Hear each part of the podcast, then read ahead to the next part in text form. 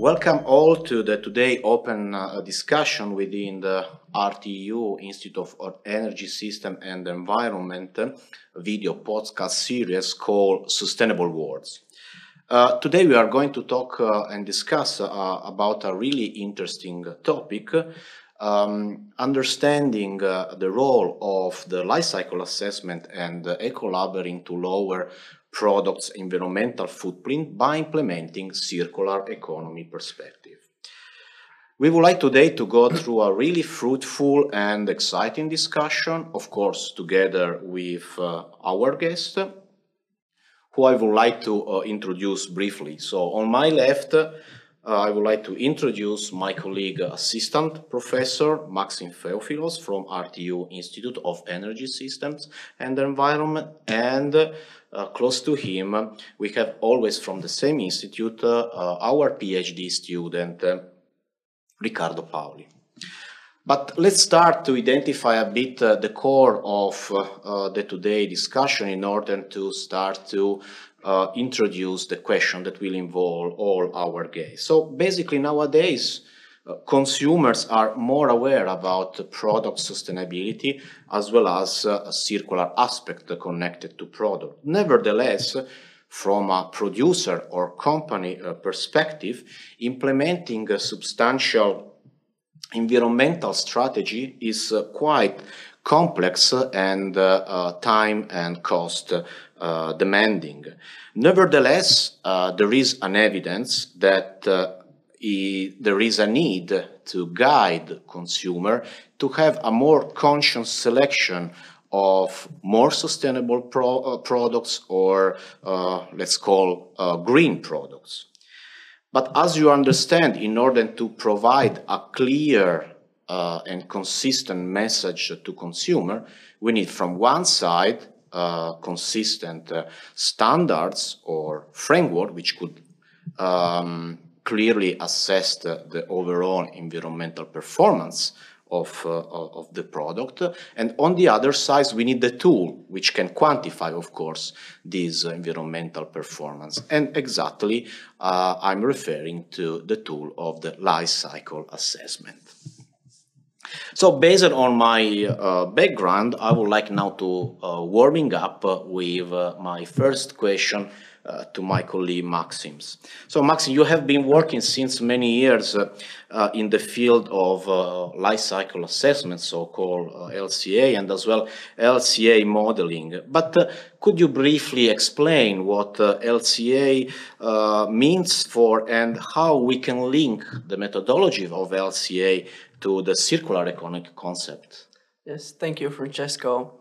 So uh, the, the, LCA, as you said, is a methodology for assessing environmental impacts. And uh, the specifics of these this methodology uh, is that it allows to look at uh, the impacts within all stages of the product's life cycle, considering uh, the raw material extraction, the transportation to the factory, the production at the factory, transportation to, transportation to consumer, the use stage, and the disposal stage of the product. Of course, this methodology is not limited to assessing only products. It can be used for assessing also the services or even uh, companies or organizations. Uh, yes, and uh, the methodology covers uh, different environmental impacts uh, across all of the life stages, which I just mentioned.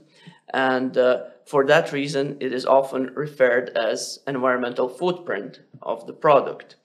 Um, or also, sometimes we hear carbon footprint when the carbon emissions are calculated. Yeah.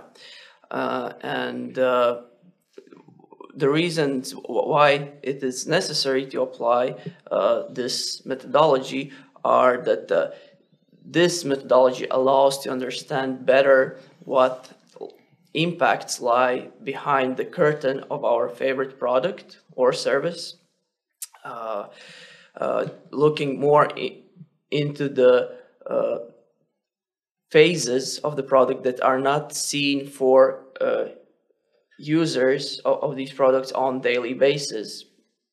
Uh, so we can see uh, if there are uh, some uh, major impacts uh, occurring in the raw material extraction for our selected product or at the disposal phase. The methodology also allows to understand if there are burden transfers between these stages or between environmental impacts if we uh, would like to select an alternative product and compare it with our uh, uh first option. So uh, this also partly links the, the, the selected LCA assessment approach to circular economy concept in a way uh, that uh, the raw material extraction can be compared to alternative options uh, such as the use of recycled materials uh, for product production or the same can be made at the disposal of the product. We can compare different scenarios uh, for uh, for end of life of the product. We can see uh, what uh, would be the benefits of the recycling of the product. And in this way, the LCA fully contributes to uh, evaluation of the product from perspective of circular economy. Yes, thank you very much for your clarification. I think that you uh, you gave us a really nice warming up uh, how to start this uh, uh this discussion, and you touched really uh, many key words. I would say that uh, will be also part uh, uh, um, of the, the core of uh, the today podcast. But I would like now to, to, to, to go to Ricardo. And Ricardo, you are a PhD yes. student in RTU Vassi Institute. And I would like to take inspiration from Maxim. He mentioned actually that there is uh, um, as uh, let's say key uh, concept uh, somehow highlighting uh, the importance of the use of LCA tool addressed to um, the um, uh, environmental footprint of product. Uh, could you explain from your, let's say, point of view how we can link this concept of environmental footprint to what is now growing as attention uh, uh, in connection to the product eco-labeling framework. Could you clarify this link? Yes, thank you, Francesco, for the question. I think that we can start with uh, asking what is an eco-label. An eco-label is like um, a marks placed on uh, products, packaging, but also in the e-products for the e-commerce that um, can help the customers and also the governments to understand what are the environmental performance of this product and in a easy way to say uh, how friendly environmental friendly is uh, this product. Also uh, eco labels uh, can be owned by governments by non-profit uh, environmental uh, organization but also by um, single private companies there are uh, different types of eco-labeling, three types especially. I wanna uh, focus on the third one, that is that one that uh, uh included the EPD. EPD stands for Environmental Product Declaration, and uh, EPD is uh, defined by the International Organization of Standardization as a declaration that um, can uh, quantify the environmental uh, impact of a product and then can also permit the um, comparison with other products with the same function. Uh, so it's important to say that the EPD is a, um, a, methodology based on the LCA, as Maxim explained before, uh, of a product. Um, the EPDs are primarily intended as a business-to-business -business, uh, transaction, but uh, also they can be really useful for uh, customers uh, to understand what are the environmental impact of a product, but also from the, the company uh, themselves, because they can understand um, which are their um, sustainability goals and how far are going uh, with that. Uh, for our customers, the EPD are uh, easy to find on the uh, international EPD system database, but also there are the national EPD database. Like, for example, for the Nordic country, there is the EPD Norge database. Also, for the customers, it's easy to find um, the EPD description because they are all divided per um, product and their service and scopes. Thank you, Ricardo. Really clear uh, explanation. And as well, you touch really uh, uh, key points and uh, really important focus that we will also address in the second part of our discussion. And uh, Actually, based on what just Ricardo mentioned about EPD, uh, Maxims, uh, I know that also in your uh, RTU vast group of LCA, you are performing and finalizing uh, during the last uh, years uh, uh, several EPD. could you maybe give us an overview or just tell from your perspective something more about uh, the latest trends in growing the attention in PD uh, and the rise uh, of awareness about uh, products uh, environmental footprint, both, let's say, from companies side and as well from consumer yeah. perspective. Yes. Uh, thank you for the question. Uh, this is uh, actually a very interesting question on how, what are the latest trends because EPDs have been around for quite a time already, but uh, the bloom of EPD started only recently. And uh, I would say, in, in my opinion, it is directly linked to the European Commission's uh, Green Deal perspective, which uh, made uh, a lot of countries think on how they can promote uh, more environmental friendly product use in different sectors.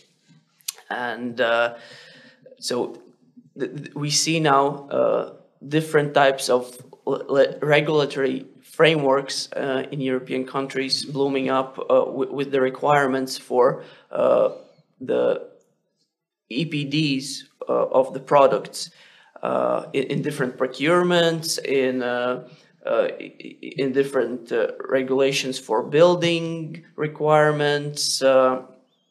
so this this made yeah the, the EPD bloom in latest years, and also for Latvia, uh, th th this uh, tendency uh, for EPDs uh, we see that it's increasing. Uh, in the in, if we had only let's say few EPDs three years ago in a year uh, we developed only a few of them then already this year we have almost close to 20 EPDs uh, and uh, the, the, EPDs are mainly developed now for the construction sector. It's not just in Latvia, but also in all Europe, and I would say even in all world, the construction sector is uh, where the EPDs are applied the most uh, because uh, the construction sector is known well for a big carbon footprint behind the buildings, not just in the use phase of the uh, buildings, but also uh, behind the materials. Uh, and of course, the aim is to decrease this carbon footprint. So uh, we see mainly uh, EPDs now blooming up for uh, local construction product production. And uh, I would say the, the, the, the, ones that are the most concerned are the products that are used for for fundamental parts of the buildings like uh, concrete uh, or steel, uh, sometimes wood, uh, and etc. Yeah, so that's uh, yeah. Thank you, for, thank for you, now. thank you very much, uh, Maxim, for for your really informative answer. And uh, I would like to stress some key aspect. Actually, he he mentioned he mentioned about the Green Deal. So we have seen how the Green Deal can be the uh, umbrella which can boost uh, uh, EPD and as well promoting sustainability of product. But in this case, we can see also and we can say that uh, in this term, eco design can of course uh, promote uh, the the, um, the targets which are of course uh, identify and set uh, in the uh, in the Green Deal. So this is quite an important uh, key aspect to highlight uh, during also this discussion. But let's continue with some more interesting aspect and uh, maybe consideration about the topic of today. And during our discussion, several times we somehow we try to rely the concept of a circular economy as a main driver promoting uh, the environmental uh, performance or improving the environmental footprint of, uh, of, of, a product. So I would like to come back now to, to Ricardo. And uh, Ricardo, you are a scientist, you are a researcher. And uh, from your perspective, somehow, how do you think uh, now the, the product design somehow can change as well in connection to the, the circular economy and consequently to the, the boost of the uh, EPD within the, the, the, the, latest period. Yes, thank you, Francesco, again. And uh, I think that uh, uh, for describing how now the product design is changing in the way of the circular economy, the best uh, way is um, to explain my real experience as a EPD maker or a LCA modeler because uh, since I make EPDs almost every day, I I deal uh, with the companies and I know how uh, they they are working. Especially because I see their um, their uh, plans, I see their production plans, and also knowing because for the EPD, uh, fundamental part is know about the raw materials that enter for the production of the product. So I see that a lot of companies now are starting to try to use uh, as much uh, recycled product as raw material in input they can. And as Maxim said, uh, EPD is really important nowadays for the uh, construction uh, buildings uh, part. For example, I made an EPDs for a beam of steels and I've, se I've seen that uh, there they use a really big uh, amount of scrap steel as input because uh, they are trying to reduce the uh, um, raw material and uh, using the um, most recycling part that they can.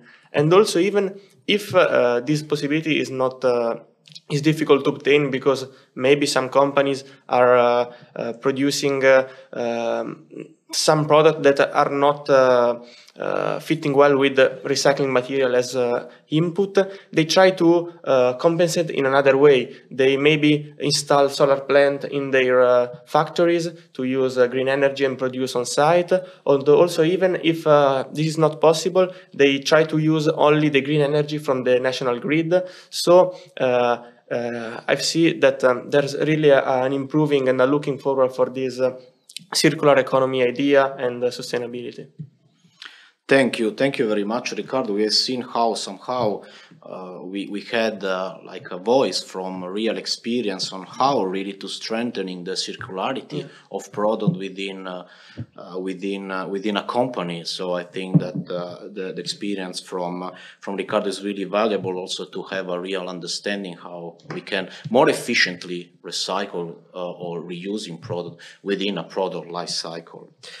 Um, so now I would like to move uh, ahead as well in our discussion, and uh, we use many keywords uh, uh, uh in, and sometimes uh, most of them they were really similar during our discussion. I would say that we have like a zoo of somehow really close to each other words like environmental and carbon footprint, environmental performances. We of course mentioned life cycle assessment. We did not mention yet, but maybe also Maxim will say about uh, um, the the product uh, environmental footprint. We we had the EPD, the environmental product declaration, and, and now I, I start to be a bit confused because somehow all these words seems really similar, and somehow maybe uh, our listeners they would like to know uh, a bit more.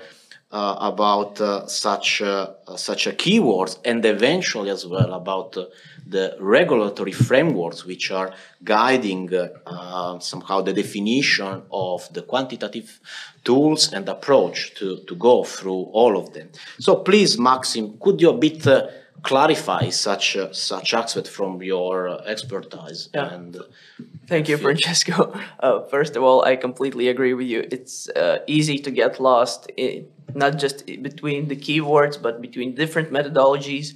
And also, there are a lot of regulatory frameworks that need to be followed, uh, e even within one specific methodology. So I, I will try briefly to give an overview on uh, how, how I see these regulatory frameworks from my perspective and, and yeah, and what are the topical uh, things right now. So uh, let's start with the basic uh, LCA uh, framework, uh, which is um, under the ISO standard 14040, known as Environmental Management Life Cycle Assessment Principles and Framework. It gives a general overview of the LCA as a methodology.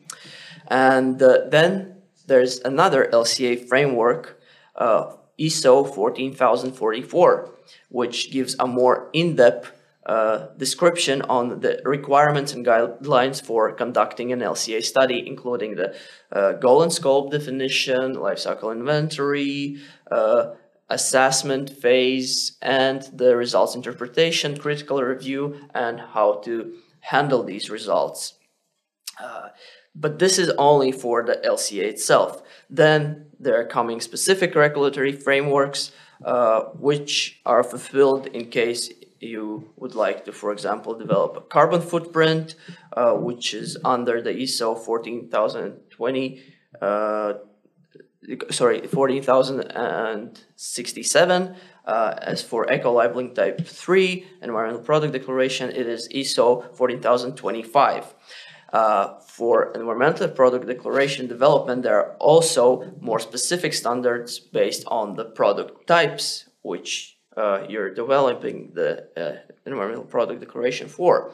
Uh, so, for example, there's a, a EN standard, standard 15084, uh, which uh, is about sustainability of constructions and this standard gives guidelines how to develop an EPD for construction products. But then there are even more in-depth uh, rules, specific product category rules, uh, according to which these EPDs are developed even more in depth. So as you see, there, there are the different regulatory frameworks, and now uh, European Commission tries to uh, combine them uh, into a general framework called uh, product environmental footprint and uh, it's currently being developed so we will see how it comes out if it if it allows uh, to simplify all, all of this uh, all of these frameworks coming into one yeah, thank you. I think that uh, uh, you you you really pointed out uh, clearly each uh, each key point. Yeah, Francesco. Of, yes, and, uh, can I can I yes. ask you a question uh, from your perspective? What do you think? Uh, why a company should make an EPD or product environmental footprint, and yeah. why it's important? Thank you, uh, thank you, thank you, Maxims. actually, this question uh, would be better to be asked to, let's say, uh, from from private companies which are maybe uh, mostly dealing with uh, with EPD. But uh, anyway, I, I, could bring my my perspective on on on on on this question. I think that the first reason why a company should go for EPD for the product that uh, um, is under developing is mostly to have a measure, a quantitative measure of the impact uh, of the product uh, over the whole life cycle. This is, of course, what also we mentioned in all our previous uh, discussion. But the measure it's really key in order to understand which are the criticalities within the whole life cycle of the product that can be improved and can be uh, eventually uh, minimized to, of course, uh, enhance a higher sustainability or a higher circularity uh, during the product design. So I would say that the first reason is uh, about uh, a quantitative uh, perspective. The second is, of course, related to always quantitative, but I would say that is moving a bit more on the commercial side of the product, because somehow by measuring, uh, we can provide uh, consumers the possibility to compare. So by measuring, we can create benchmarks in order to be uh, to give the company a higher com competitiveness in the uh, in the uh, in the in the market. And the third is of course fully related to a commercial aspect that of course having an EPD we uh, create a differentiation of the product that the company is uh, uh, is producing in the market and as well uh, there are bonuses in case mostly for for building material i would say uh, that product is going to be uh, to participate for public or private uh, procurement. So i would say that uh, this perspective which relate mostly to the development of a product and sustainability of a product uh, at a larger scale is i would say the the the, the uh, the, the third point why a company uh, should uh, should make uh, um, an EPD. Thank you, Maxim, for asking me. Thank this, you for answering yeah. this question. Uh, I would say that now we can going to the closure of of of, of our discussion. So I would like now to have a sort of wrap up or a kind of sum up of uh, all the aspects which we clearly presented to the to our listeners. And I would like to ask uh, uh, uh my guest, and I will also give my uh, my my my point of view. I would like to please ask them to to give a take home message about the today topic of uh, um, this video podcast about the role of eco-labeling and LCA-based assessment method to reduce the pressure on in the environment. So, Maxims, Ricardo, you have one okay. minute each Thank to you. highlight this. Uh, yes, uh, I would like to say that the European Commission actually wrote that they acknowledge the LCA uh, as the best currently available methodology for assessing environmental footprints of the product uh, in terms of uh, full life cycle. And uh, this means that this methodology is here to stay and I think everyone should start, uh, everyone involved into business, in production business, should start uh, maybe thinking on developing uh, like uh, an EPD or, or another type of label uh, based on this methodology. Thank you. Thank you really much. Maxim, sorry. Carlo, yes, please. thank you. Uh, I think that uh, an eco label is fundamental and really important uh, for uh, that because it permits to transform the numbers that I see every day from the results that are really maybe complex for uh, not an expertise, but they, they permit to transform these numbers in an easy way for a customer to see and to choose which is uh, the best uh, product on the environmental uh, uh friendly and uh, on the environmental point of view. Thank you, Ricardo. Actually, uh, I, I, I, I put I take a note, and actually, my first point was exactly similar the one of Ricardo.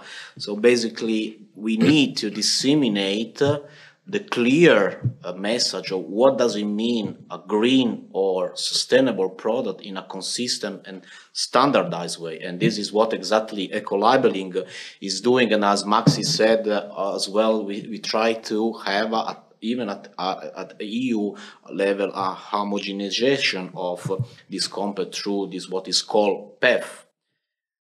then I would say that uh, I think that in the future we should consider uh, almost mandatory from all producer of product to have uh, or EPD or PEF uh, during uh, the, the development of uh, the production of the product. This is, of course, to strengthening the role of both eco design and circular economy that at the design stage it gives a higher impact in terms of improvement of sustainability. And then I would say uh, to include we as uh, uh, um, academy members uh, to have a key role as interface exactly between the private company and the consumer, uh, somehow to provide our expertise as a support to harmonize, uh, of course, uh, this exchange of information.